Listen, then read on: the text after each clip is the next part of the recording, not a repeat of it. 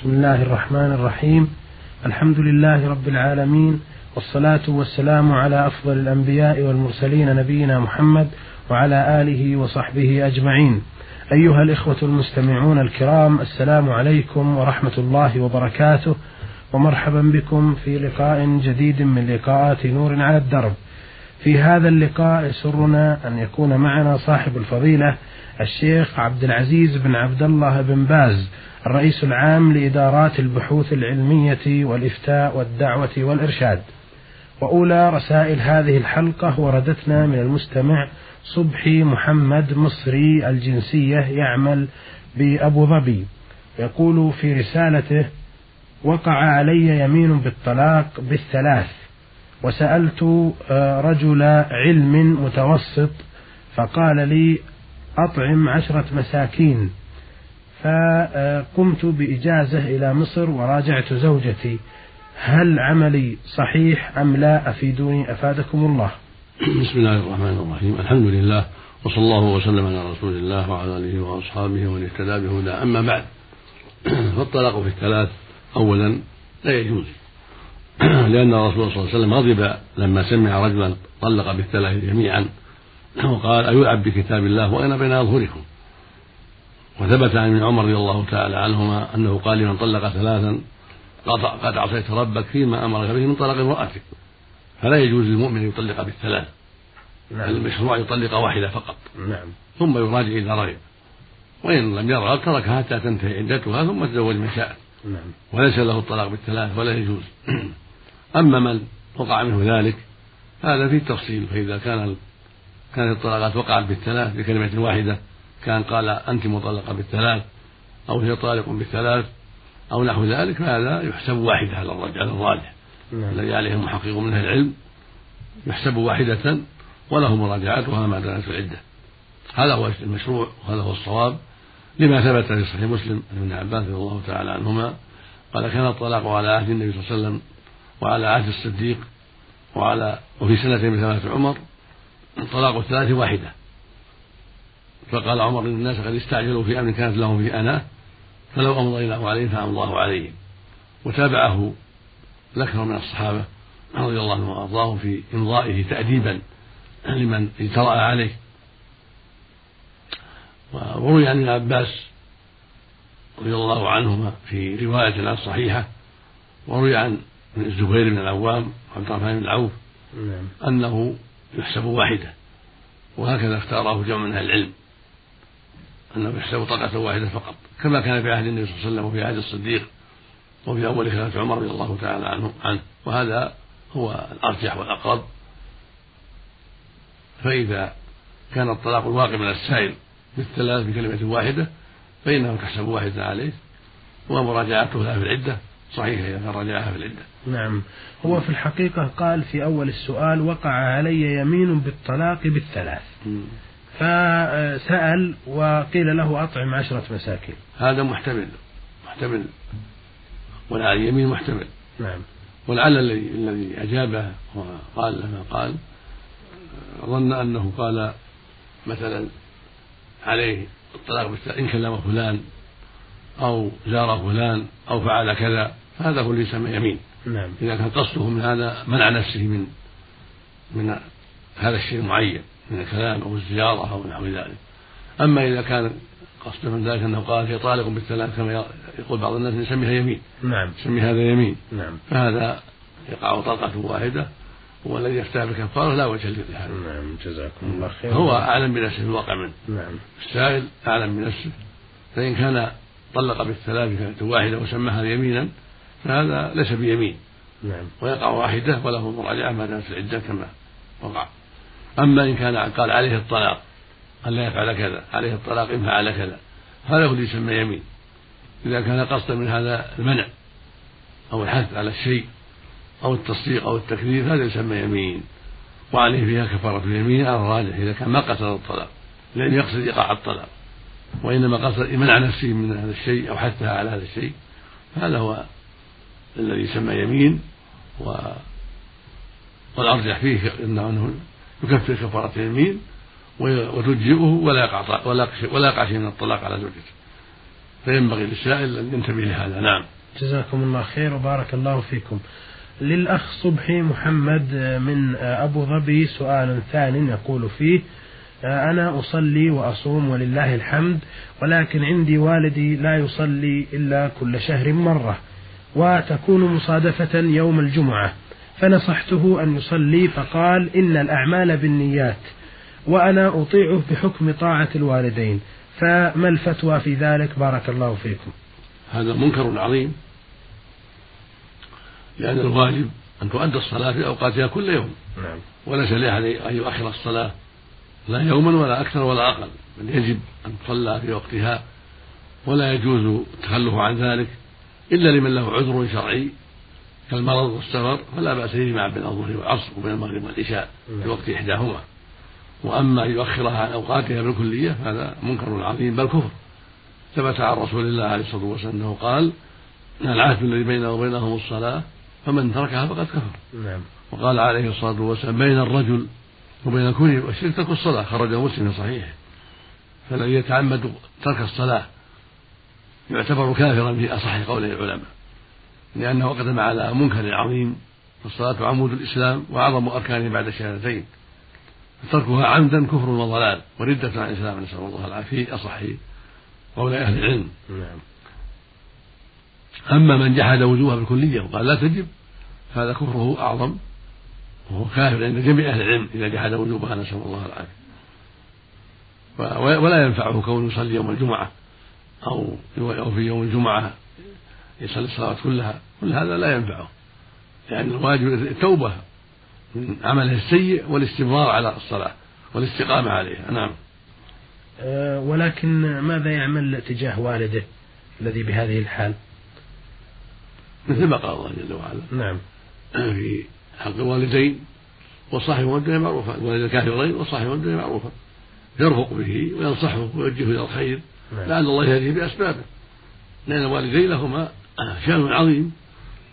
ولو دعا دعواه إلى الشرك لا لا يستجيب لهما ولكنه يرفق بهما ويصاحب والديه معروفا لعل الله يهديهما بأسبابه. نعم. نعم. جزاكم الله خير. أما سؤاله الأخير في هذه الرسالة فيقول آه، معي أحد العمال تشاجرت معه فغضب مني وسب الدين بنفسه رغم أنه يعرف الله جيدا ويصلي ويصوم لكن هذه غلطة. وهو يقول إن آه، نفسه تؤنبه على ما بدر منه.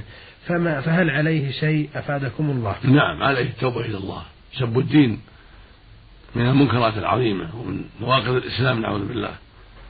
فهو ناقل من نواقض الإسلام فعليه التوبة إلى الله والبدار بذلك. والله يتوب على التائبين. وبعض أهل العلم يرى أنه لا توبة له نسأل الله. بل يقتل حدا لكفره وردته ولكن ذهب بعض أهل العلم إلى قبول توبته فإذا تاب إلى الله ورجع وأناب وندم على ما وقع منه ندما صادقا فالله يتوب عليه سبحانه وتعالى. نعم. بارك الله فيكم.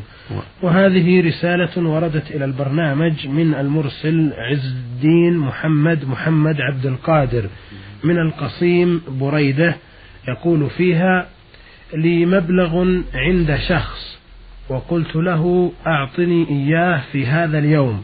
وإذا لم تحضره لي في هذا اليوم علي الطلاق أنني لا آخذه. وبعد مدة بعث آه، شخصا معه المبلغ ورفضت أخذه خوفا من طلاق زوجتي مني. وأخذ أخي بعض المبلغ وزوجتي أخذت البعض المتبقي. أما أنا فلم آخذ المبلغ ولم أستفد منه.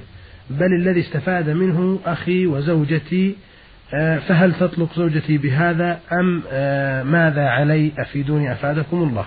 إذا كان الواقع وما ذكره السائل نعم. فإنه لا لا تطلق زوجته بذلك لأنه ما أخذه. نعم. أو أمضى أمضى يمينه ولم يأخذ المال بل ذهب إلى أخيه وزوجته. فالحاصل أن زوجته لا لا تطلق بذلك لأن اليمين الذي أخذها نفسه أمضاها نعم. ونفذها. نعم. فلا تقع فلا تقع يقع الطلاق على زوجته. ثم هو فيه تفصيل. إذا كان مقصوده من ذلك منعه من من أخذ المال ما إذا كان قصده حثه على البدار بالوفاء ولم يقصد إيقاع الطلاق وإنما أراد بذلك حثه وتحريضه حتى يوفيه حتى يوفيه المال ويبادر بالمال فهذا له حكم اليمين. يكفر كفارة اليمين ويأخذ المال ولا يقع شيء من الطلاق. أما إذا كان قصده إيقاع الطلاق حين قال هذا الكلام قصده أنه إن لم يعطه ذلك اليوم فإنه لا يقبل وإن قبل فزوجته تطلق. إذا أراد هذا نعم. فإنه لم يقع عليه الطلاق ولا صار إلا خير إن شاء الله والمال أخذه غيره. على كل حال الطلاق ولا الطلاق لم يقع. هذه لأنه لم يأخذ المال. نعم. جزاكم الله خير. نعم. له سؤال آخر في هذه الرسالة يقول حضرت ذات يوم إلى البيت فوجدت زوجتي قد عملت عملا أغضبني فقلت لها إذا جلست هذا اليوم في البيت أو بت فيه فأنت طالق فخرجت بنفس اليوم وغابت أسبوعا ثم رجعت فهل تطلق أم لا؟ وهل يلحق؟ يقول حضرت ذات يوم إلى البيت فوجدت زوجتي قد عملت عملا أغضبني فقلت لها إذا جلست هذا اليوم في البيت أو بت فيه فأنت طالق فخرجت بنفس اليوم وغابت أسبوعا ثم رجعت. فهل تطلق أم لا؟ وهل يلحقني كفارة؟ أفيدوني أفادكم الله. إذا كان المقصود منعها من البقاء ذلك اليوم وتلك الليلة فقط فإنها لا يقع شيء لأنها نفذت ولا خرجت ولم ترجع إلا بعد أسبوع. أما إذا كان المقصود فراقها. نعم. ليس المقصود هذا اليوم ولا هذه الليلة المقصود الفراق والطلاق. هذا يقع الطلاق الذي أراده وهو طلقة واحدة طلقة واحدة فقط لا يقع به إلا طلقة واحدة نعم. فإذا كان لم يسبقه طلقتان فله المراجعة ما دامت العدة. هذا إذا كان أراد إيقاع الطلاق أما إذا كان إنما أراد منعها من ذلك اليوم وتلك الليلة فقط نعم. هذا نفذت ولم يقع شيء ولا يقع شيء جزاكم الله خير هذه رسالة وردتنا من السائل سعد حسين الحربي من الجموم وادي فاطمة. يقول في رسالته كانت لي لحية آه، أعفيتها. وبعد فترة من الزمن كلما واجهني أحد من أهلي ومعارفي استنكروا لحيتي هذه. ورموني بكلمات جارحة. وطلبوا مني تقصير لحيتي. وأنا مصمم على إبقائها وإعفائها. هل يجوز تقصيرها؟ أم أواظب على إعفائها وأضرب بكلامهم عرض الحائط؟ الواجب عليك أن تستمر في إعفائها وإرخائها طاعة لرسول الله صلى الله عليه وسلم وامتثالا لأمره وأن تضرب بكلامهم الحائط وأن تنكر عليهم كلامهم وتذكرهم بالله وأن هذا لا يجوز لهم بل عملهم هذا في الحقيقة نيابة عن الشيطان هم صاروا في هذا نوابا للشيطان نعم. يدعون إلى معاصي الله نسأل الله العافية والرسول صلى الله عليه وسلم يقول غصوا الشوارب وأعفوا اللحى خالف المشركين ويقول جز الشوارب وأرخ اللحى خالف المجوس. نعم. ويقول وفروا اللحى. فالواجب توفيرها وإعفاؤها وإرخاؤها وعدم طاعة الفسقة الذين يدعون إلى قصها أو حلقها نسأل الله السلامة. وهذا مصداق الحديث أن يأتي في آخر الشياطين. يدعون إلى عصيان الله وإلى ارتكاب محارم الله. وكذلك ما في حديث حذيفة لما ذكر سأله حذيفة عن الشر أنه يقع بعد عليه الصلاة والسلام ذكر أنه يقع بعد ذلك في آخر الأمة دعاة على أبواب جهنم. نعم. من أجابهم بها قذفوا فيها. قلت يا رسول صفهم لنا. قال هم من جلدتنا ويدخلهم بألسنتنا. نسأل الله العافية. هذا وأضراب هؤلاء وأضرابهم من جنس من ذكرهم النبي صلى الله عليه وسلم نعم. من دعاة النار. فلا فلا يجوز للمؤمن أن يقبل كلامهم ولا يميل إليهم بل يعصيهم ويخالفهم في طاعة الله ورسوله. نعم. جزاكم الله خير. له سؤال آخر في هذه الرسالة يقول فيه لنا عادة نحن وأسرتنا وأقاربنا نقوم في كل سنة في عيد الأضحى المبارك ونجمع أضحيتنا ونجتمع عليها أيام التشريق ونقتسمها فيما بيننا. وقد خالفتهم وضحيت بأضحيتي وقسمتها بنفسي وأنا لم أقطع صلتي بهم وأقوم بأداء واجبي تجاههم فهل أواظب وأستمر معهم على الاجتماع على الأضحية أم أنفرد بأضحيتي كما فعلت سابقا السنة للمؤمن نعم. أن يضحي وكان مستقلا عنه وعن أهل بيته ولا ولا يشرع التجمع الأقارب في ركعة واحدة السنة لكل أهل بيت أن يضحوا هكذا السنة. والرسول صلى الله عليه وسلم كان يضحي عن أهل بيته بضحية وعن أمة محمد بضحية أخرى. كان يضحي بضحيتين عليه الصلاة والسلام. كان يذبح كبشين حمل حين كل سنة. أحدهما عن محمد وآل محمد والثاني عنه ووحد الله من أمة محمد عليه الصلاة والسلام. وقال أبو أيوب كان الرجل. أبو أيوب الأنصاري الصحابي الجليل رضي الله عنه قال كان الرجل يضحي بالشاة الواحدة. عنه وعن وعن أهل بيته. نعم. فيأكلون ويطعمون ثم تباهى الناس بعد ذلك. فالمقصود أن السنة يضحي الإنسان بضحية واحدة عنه وعن أهل بيته. هكذا يأكلون ويطعمون.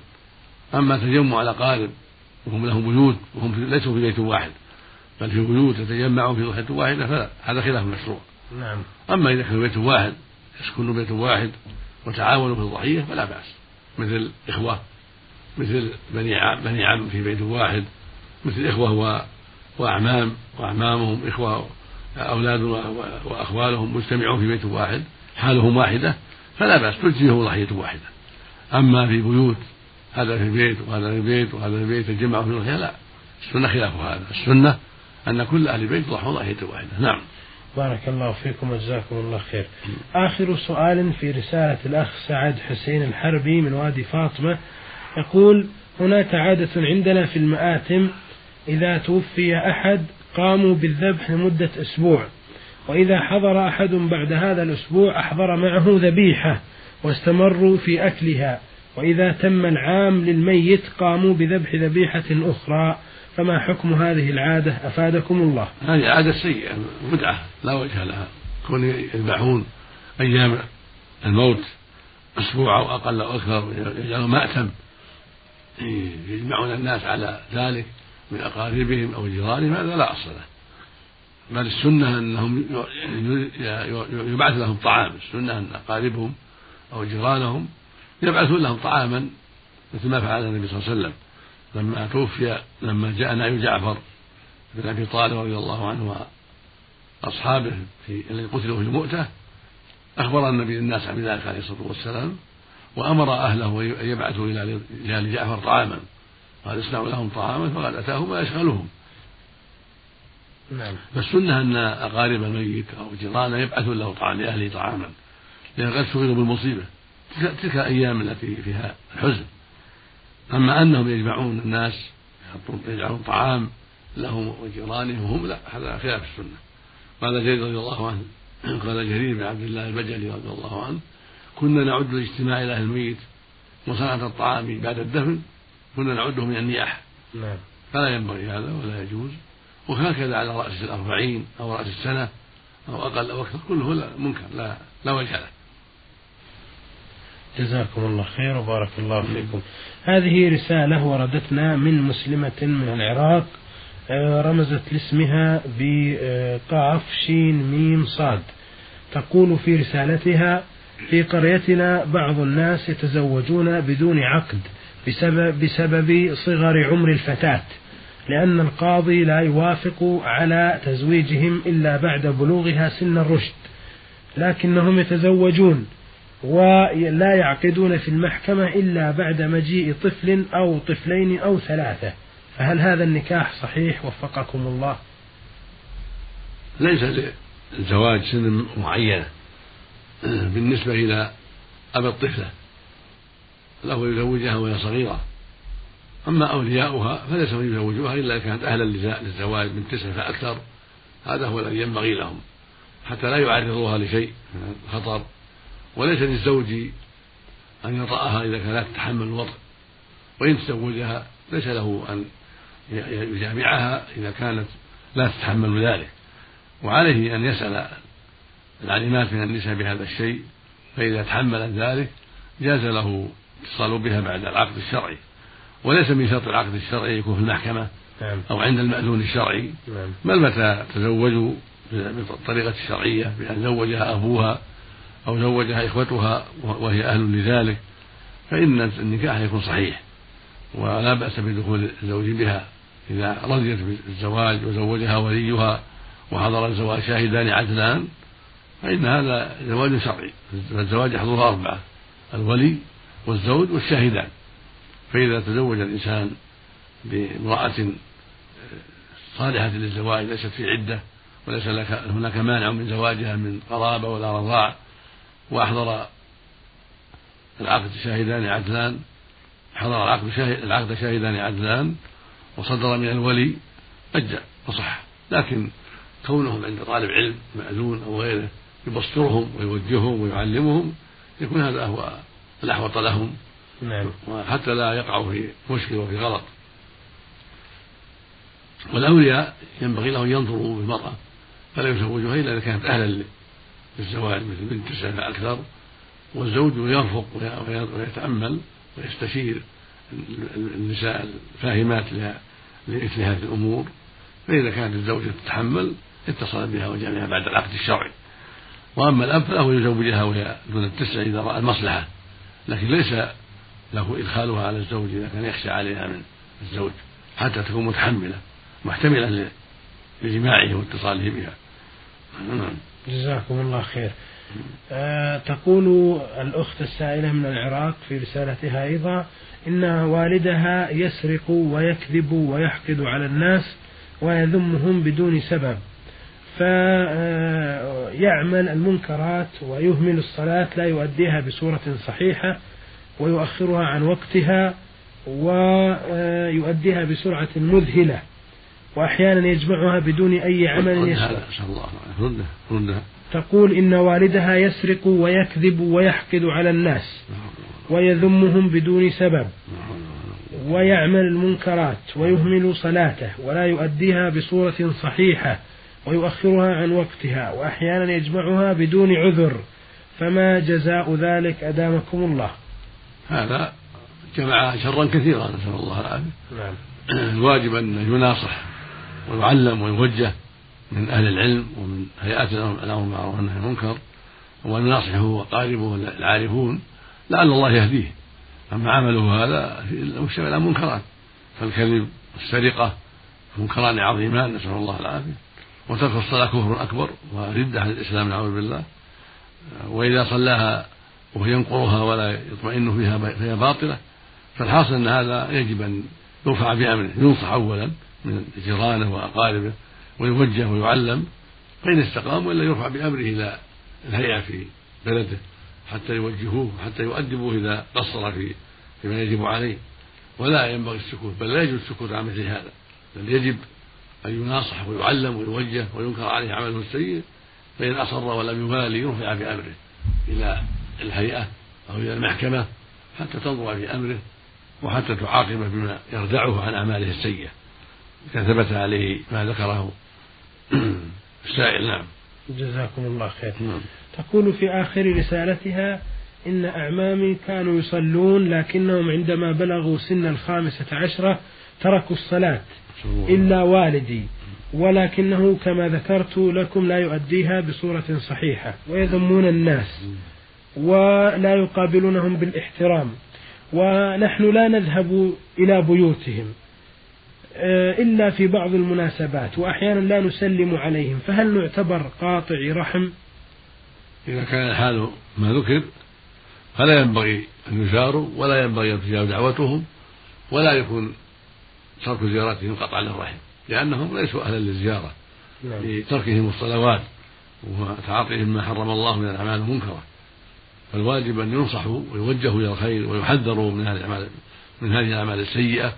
فإن تابوا واستقام أمرهم وصلحت حالهم زارهم أقرباؤهم وأجابوا دعوتهم والحمد لله. وإلا وجبت مقاطعتهم حتى يستقيموا. نعم. بارك الله فيكم. وهذه رسالة وردت إلى البرنامج من الأخ السائل هزاع محسن الحارثي إمام مسجد البورة ببني حارث. يقول في رسالته آه، يوجد لدينا عادة في الميراث. تقول إن الأخ يعصب أخيه في الميراث آه، يعصب أخاه في الميراث ولدينا آه، أخوين ولدينا أخوان لأب.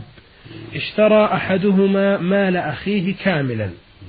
ثم بعد ذلك مات المشتري وخلف بعده بنتان فهل يصح لأخيه البائع أن يأخذ من مال أخيه المشتري الميت مع العلم أنه ترك ابنتين؟ نعم هذا عادة شرعية فيهم منكرات. العاصب يرث إذا لم يوجد من هو أقرب منه. العصبة لهم ورث. إذا لم يوجد من هو أقرب منهم من قريبهم. وإذا كان الميت خلف ابنتين وأخاه البايع وهو أخوه من أبيه أو أخوه من أبيه وأمه فإنه يرث الباقي يعطى البنات الثلثين والباقي يكون لأخيه عصبا. نعم. الذي باع عليه المال. يكون له باعه بالوجه الشرعي ثم مات ورثه بالوجه الشرعي. فتكون فالبنتان يعطيان الثلثين نعم. من ثلاثة أسهم والباقي سهم واحد. لأخيه من أبيه أو أخيه من أمه وأبيه. فإن كان أخوه ليس من أبيه ولا من أم من أبيه وأمه بل من أمه فقط فلا يرث. أخوه من أمه لا يرث مع البنات البنات يحجبونه. إذا كان أخا من أم. أما إذا كان أخا من أبيه وأمه أو من أبيه فقط فإنه يأخذ الباقي بعد البنات وهو الثلث عصبا. من المال الذي باع عليه ومن غيره من الأموال أموال أخيه. نعم. جزاكم الله خير وبارك الله فيكم. بهذا أيها الإخوة المستمعون الكرام نأتي إلى ختام هذه الحلقة والتي آه، استعرضنا فيها رسائل الإخوة صبحي محمد مصري آه، يعمل بأبو ظبي والأخ عز الدين محمد محمد عبد القادر من القصيم بريدة والأخ السائل سعد حسين الحربي من الجموم وادي فاطمة والسائلة قاف شين ميم صاد من العراق وأخيرا رسالة السائل هزاع محسن الحارثي قرية البورة بني حارث.